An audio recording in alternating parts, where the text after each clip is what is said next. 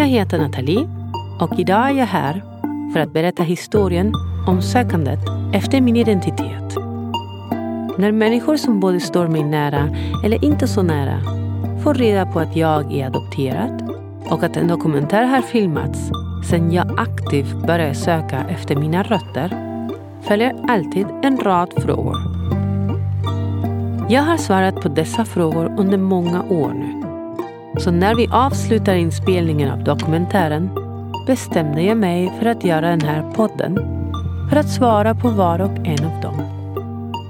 Varje avsnitt är ett svar på en fråga. Vilka vi egentligen är och vad vår sanna identitet är är frågor som människor har ställt sig själva sedan tidens begynnelse och fortfarande vet ingen riktigt vad som gör oss till dem vi är. Här berättar jag min historia, så som jag har upplevt den.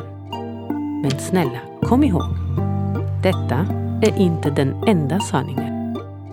Det här är bara min sanning. Av det som du hör här idag, ta till dig det du vill och låt resten vara. Med detta sagt önskar jag dig ljus och kärlek och en underbar dag.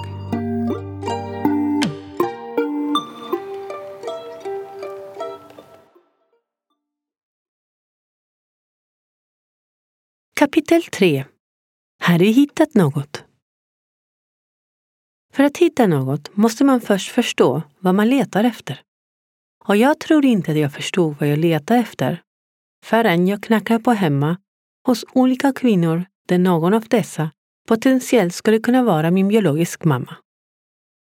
Identitet är inte något permanent. Det finns komponenter av identitet som ständigt förändras. Och det finns andra komponenter som inte förändras så mycket. Den biologiska identiteten, till exempel, är en av de delar som inte förändras så mycket. Det vill säga, om det inte görs betydande behandlingar eller ingrepp på kroppen är det mest troligt att vi på något sätt kommer att likna våra biologiska släktingar och att vi ärver vår genetik av våra förfäder. Om vi förenklar frågan, hittar du ditt biologiska ursprung? Då är även svaret enkelt. Det är antingen ett ja eller ett nej. Men varje gång jag får den här frågan är svaret inte alls enkelt. Eftersom jag har en helt annan fråga i mitt huvud. Det jag hör är nu när du bättre förstår vem du är och vad som hände i ögonblicket du föddes, förstår du varför du blev övergiven? Det är därför det är svårt att hitta ett snabbt svar på denna fråga. För både frågan och svaret är egentligen komplexa och komplicerade. Om jag nu skulle hitta någon som är biologisk släkt med mig, ja, det skulle vara underbar. För det är något jag aldrig haft och något jag känner ett behov av. Men med det sagt är det ett mycket enklare svar. När det gäller sökande efter min biologiska identitet så var det inte klart och tydligt för mig vad jag egentligen letade efter. Jag menar, jag hade en känsla, men jag förstod inte riktigt. Tack vare samtalet med en person vid namn Mercedes Changes kunde jag kanalisera lite vad som hände inom mig. Att förstå den stora frågan var den riktiga resan. Vad är jag ute efter att läka? Vilken bit av mig saknar jag? Och varför är det så viktigt? Om vi utgår ifrån att mitt sökande började den dagen jag började misstänka att jag var dotter till försvunna under diktaturen, så kan jag säga att det jag letade efter hela tiden var att acceptera det som hände och hur det gick till. Och det svåra är att behöva rekonstruera sanningen när man inte har den. Förväntningarna, tomheten, drömmarna och fantasierna som denna tomhet innebär är väldigt kraftfulla. Som om mina fötter aldrig nuddade marken. För det finns en sanning som jag inte förstod. Det var inte så mycket att ta reda på vem jag är, eftersom jag i min ålder redan är den jag är, utan att ta reda på varför jag är. Så att knacka på hemma hos kvinnor där en av dem faktiskt skulle kunna vara min biologiska mamma gav ett för och efternamn till en fantasi. Även om ingen av dem var min mamma visade sig, så var de på ett sätt alla min mamma.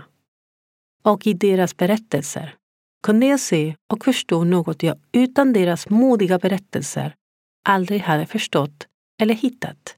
Och det kallas sammanhang. Dessa mammor hade aldrig glömt sina döttrar. Oavsett orsaken till graviditeten var den där flickan som föddes inte bara ett misstag som måste rättas till genom att lämna över det till andra människor. Den flickan fanns alltid kvar i minnet av dessa mammor. Det lämnade dem aldrig. Svaret som jag letade efter besvarades till stor del. Hur kunde du släppa mig? Hur kunde du överlämna mig till främlingar som Gud vet vad de skulle göra med mig? Var jag värt så lite? Var det värt så lite för dig? Men så var det inte alls. Hon släppte inte bara mig. Utan det fanns inga andra alternativ. Och familjen som adopterade mig valdes inte. De var bara där. Vid rätt tidpunkt. Inget mer. Det var inte personligt. Jag orsakade inte det. Jag kunde inte heller kontrollera det. Allt blev bara så. Livet är ett lotteri och man får det man får. Det är inte rättvist. Det finns inga regler. Eller om det finns, så är de väldigt svåra att förstå och det ligger utanför mitt förstånd. Så mitt svar är ja, jag hittade mycket. Och jag förstod, åtminstone genom min resa och upplevelse, att mammorna inte glömmer sina barn. Aldrig. Och allt detta var inte personligt. Det har ingenting med mig att göra. Men ja, det hände mig.